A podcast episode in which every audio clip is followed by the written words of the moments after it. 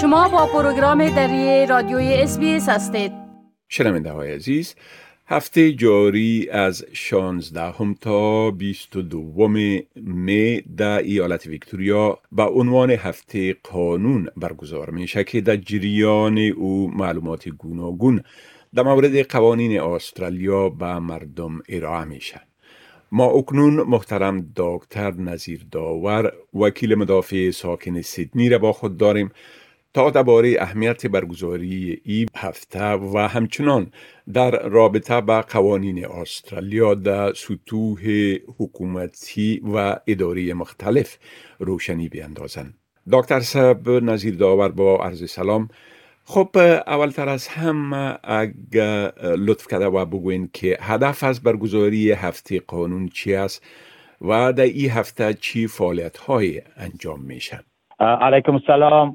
سلام هم برای شما و همکارای شما و همه افغانای که صدای ما شما را میشنوند چکر تقدیم می‌کنم. طوری که شما در آغاز پروگرامتان گفتیم که از 16 تا 22 می در ایالت ویکتوریا هفته قانون مسما کردند که در او برنامه های مختلف پروگرام های مختلف از طرف ادارات مختلف ویکتوریا به خاطر بلند بردن سطح آگاهی مردم در ارتباط با قانون. از طرف مو Victorian Law Foundation با همکاری دیگه ارگان های مربوط به راه انداخته میشه. در این پروگرام ها برنامه های مختلف است که هم از طریق webinar هم از طریق face to face که روبرو در با, با مردم صحبت میشن و هم در هر جای در کتابخانه ها در محلات تجمع مردم میزهایی را گذاشتن که مردم به اصطلاح brochure ها و leaflet ها را برای مردم توضیح می‌کنن و سوالاتشان جواب می‌گویند و دیگه پروگرام است که عرصه های مختلف قانون برای مردم توضیح می‌شد بله. خب در استرالیا هر سه نوع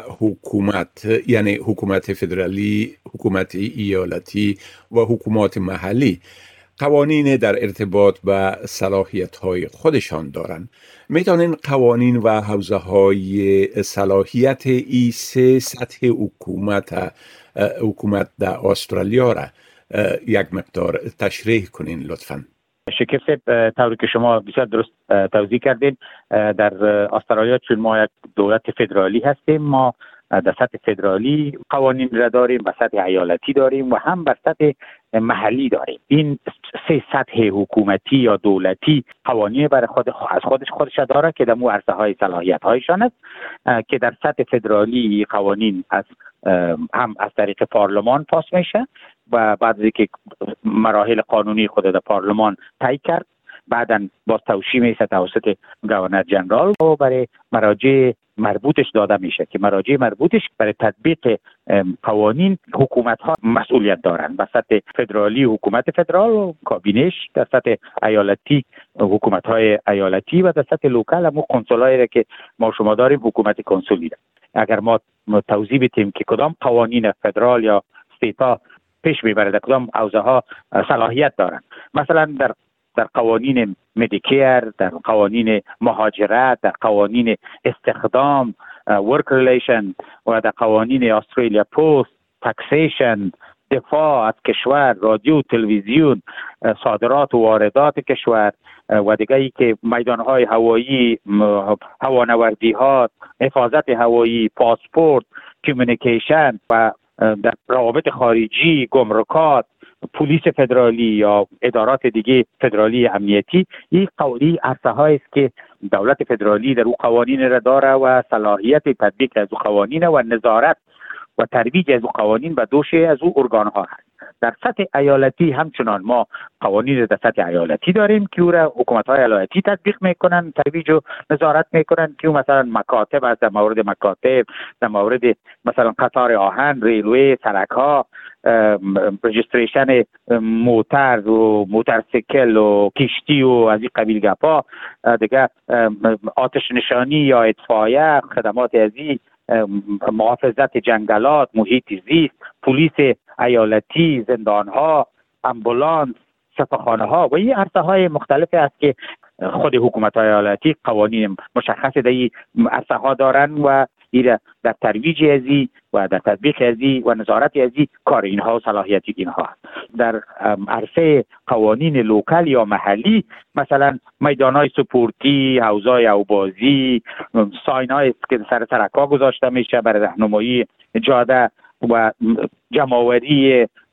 مثلا مواد فاضله rubbish که میگم برش میگیم rubbish collection traffic control animal control مثلا footpath ها پیاده روها محافظت و صفایی خدمات را در عرصه های مختلف جامعه در سطح local حکومت های local اجرا می‌کنند. بله. خب حال اگر لطفا در باری اهمیت آگاهی از قوانین استرالیا و همچنان آگاهی مردم در مجموع از حقوق و مسئولیت هایشان در دایره ای قوانین معلومات بتین لطفا.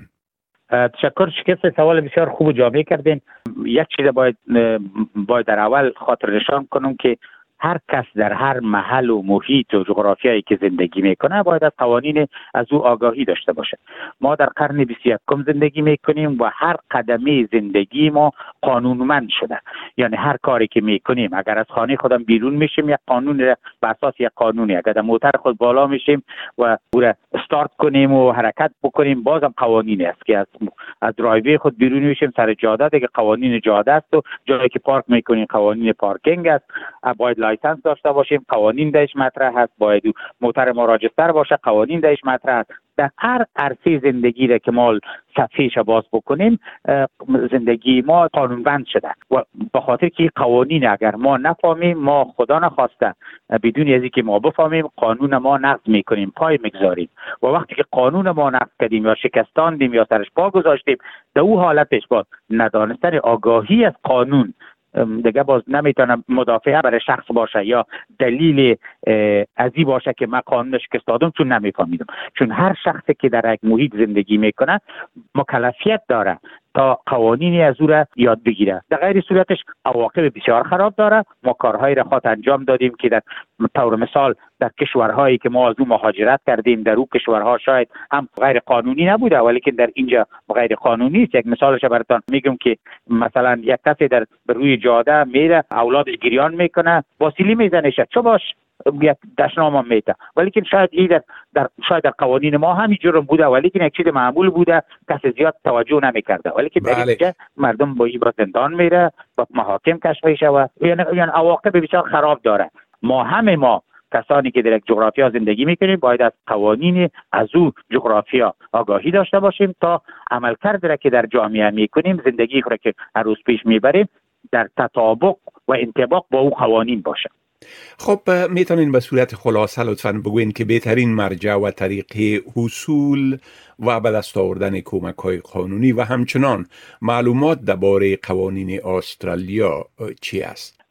شکیف امروز که ما شما در جهان اول زندگی می‌کنیم اینترنت خوبترین مرجع است ولیکن و جایی که مشخص و با مسئولیت صحبت بکنیم ای هست که کسانی که می‌خواین از قانون آگاهیشان بالا بره مثلا در هر ایالت ها دفاتر لیگلی وجود داره در پالویش کمیونیتی لیگل سنتر ها وجود داره سازمان های محلی وجود داره پلیس کتابخانه ها و ادارات مشخص حقوقی در هر ایالت وجود داره که اینها وظیفه دارند تا با مردم کمک بکنن به سوالاتشان جواب بگوین حتی در صورت ضرورت و شامل شرایطش بودن او را در محاکم یا نزد پلیس و جاهای دیگه قانونی از او دفاع بکنن یا او را بتانن وکیل اونها باشن. خب محترم دکتر نظیر داور از اینکه دعوت ما را برای این صحبت درباره هفته قانون پذیرفتین و از معلومات مفیده که در این مورد ارائه کردین. از شما صمیمانه تشکر می‌کنم و برایتان موفقیت می‌خواهیم زنده باشین شکر صاحب همیشه در خدمتتان هستم. روزتان بخیر. بپسندید شریک سازید و نظر دهید اسپیس دری را در فیسبوک تعقیب کنید.